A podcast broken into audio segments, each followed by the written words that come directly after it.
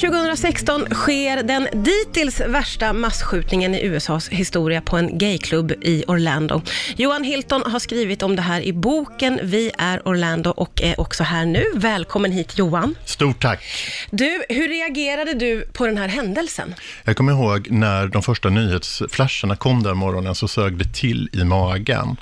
Um, först, de, de, de första fla, flasharna där, liksom, alltså, så, så, var det fortfarande oklart vad det var för typ av ställe som hade drabbats. Men under den morgonen så, så blev ju det tydligare och tydligare. Och då, ja.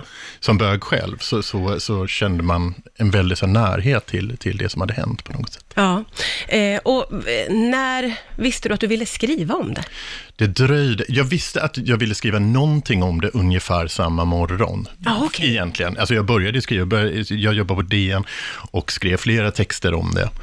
Men sen visste jag att jag ville gå vidare på något sätt, men riktigt hur var lite oklart. Eh, tills jag kom till Orlando två år senare och började göra mina första intervjuer. Ja, för du har ju då eh, intervjuat eh, överlevande och anhöriga mm. till offren. Eh, ganska många vad jag förstår. Mm, eh, omkring 120 personer. Hur, hur var det?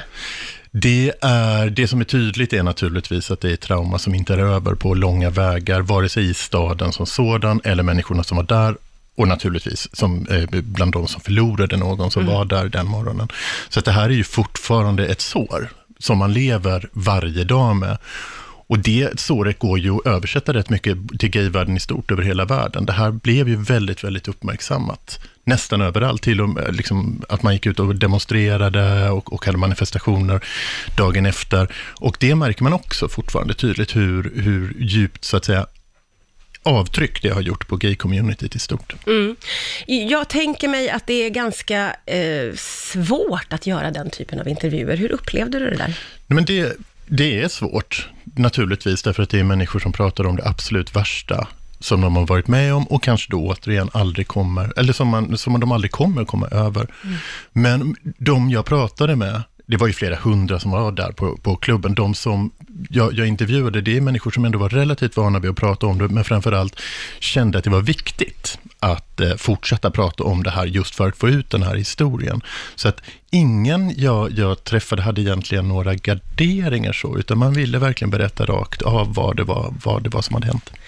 Du har då intervjuat eh, anhöriga till offren och överlevande, eh, träffat många, många, många jättemånga, så jag förstår att det kanske är en svår fråga, men vilka liksom, historier sticker ut för dig, eller bär du med dig sådär? Jag bär med mig alla naturligtvis, men det är klart att det är någonting som kommer åt en när man pratar med mödrar, mm. och som har förlorat sina söner. Mm. Det finns en kvinna, till exempel, som jag intervjuar i boken, som heter Wilhelmina eh, Justice, och hon väcktes ju den natten av att hon fick sms ifrån sin son, som låg inne och hade blivit skjuten inne på klubben. Och, och hon kunde ju inte göra någonting, i och med att, att stället var belägrat och det dröjde tre timmar innan, innan man gick in, så, så visste hon ju inte vad som hände. Det enda hon kunde göra var att stå utanför och vänta i princip. Och det där är ett sånt där kollektivt det, det, är en sån grej som hände många, många eh, den natten. Mm. Eh, I och med att eh, skjutningen började runt tvåtiden och, och bara några minuter senare så började de, folk höra av sig till sina anhöriga eller ringde hem för att berätta att de var okej okay, eller att de var fast där inne eller att, eh, ja, och så vidare. Så, och, och, polisen var på plats också ganska tidigt, så det blev ju känt mm. tidigt. Mm. Och det där kommer jag ihåg från den där morgonen också, när de här nya, första nyhetsflasharna kom. Mm. Då var ju inte eh, gisslandramat över Nej, ännu, utan att det, det, var ju fortfarande pågående. Ja. Och det var ytterst oklart eh, om det fanns några överlevande och så vidare. Så, mm. att, så, att, eh, så alla de här ödena bär man ju på något sätt med sig. Sen är det ju naturligtvis också, när man pratar med med människor som, jag menar, som fortfarande inte vågar lämna hemmet till exempel, eller eh, som fortfarande varje dag eh, alltså har, lever under sådan svår posttraumatisk stress, att varje högt ljud, varje, varje skjutning på tv, all, alla ja. sådana liksom plötsliga händelser kan, kan få dem att tappa koncepten fullkomligt. Ja, det måste ju vara otroligt svårt att komma över något Ja, sånt här? Det, det- kan man väl antagligen inte? Nej, alltså man, kan, man kan ju lära sig att kontrollera det i hög grad. Ja.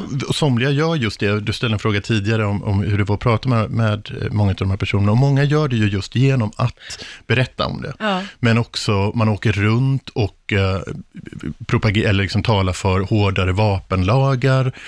I och med att det, fick, alltså, jag menar, det var ju konsekvensen av ganska slapphänta eh, vapenlagar. Eh, att man liksom hänger sig åt, åt aktivism eller andra sådana saker, så, så ge, skänker man ju det åtminstone ett syfte. I någon, det är många som pratar om det, liksom, i och med att jag var där den kvällen så har jag också ett ansvar att föra den berättelsen vidare. Eh, du menar ju att de här händelserna har förändrat hela Orlando. V- vad tänker du kring det?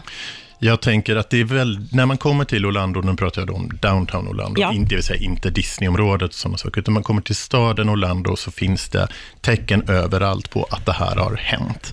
Man högtidlighåller minnet av det, alltså bland annat genom regnbågsflaggor, men också genom eh, årliga eh, minne, alltså så här minneshögtider, men också att man har, har så att säga liksom dragit igång projekt, ett som heter Safe Space till exempel, som handlar om, eller där, där eh, krogar och nattklubbar och så vidare blir, blir ett tryggt ställe för, för hbtq-personer som känner sig förföljda eller har blivit ansatta på annat sätt ute på stan. Går man dit till en av de här klubbarna som ingår i det här projektet så erbjuder de skydd och sen så ringer de polisen och så vidare. Polisen har också börjat arbeta väldigt eh, mycket mot, mot hbtq-befolkningen i staden.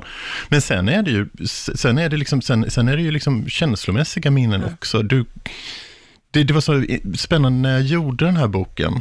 Eh, och jag kunde liksom sitta i väntrum, jag skulle intervjua borgmästaren Buddy Dyer till exempel, och så satt jag i ett väntrum där. En kvinna satt också i detta väntrum och väntade på ett annat möte. Och hon frågade vad, vad jag gjorde där och jag berättade om det här projektet. Hon började gråta. Det där är en jättevanlig reaktion. Oj. Alltså så här att det är väldigt obearbetat, eller Ja. här, be, snarare man bär, man bär sorgen med sig. Och det har man gjort väldigt mycket som kollektiv, som stad. Ja. Och det var också så väldigt tydligt direkt efter den här skjutningen, hur människor gick ut på gatan och lämnade blod. Att man, det, det var ju, skedde ju mitt på sommaren, så att människor var väldigt uttorkade, eh, så, så att man körde ut vatten. Att människor engage, eh, man, man anordnade stora minneshögt, eh, liksom stunder, eh, dels i själva stan, men också i diverse olika kyrkor och så vidare. Så människor var väldigt aktiva. Det åkte in det, en, en, en väldigt stor del av de som drabbades, i och med att det var en Latin night på, på Pulse, den här gayklubben den natten, så var många eh, spanskspråkiga. Och då åkte många volontärer in till sjukhuset för att hjälpa spanskspråkiga eh, att liksom kommunicera med vårdpersonal och så vidare. Ja.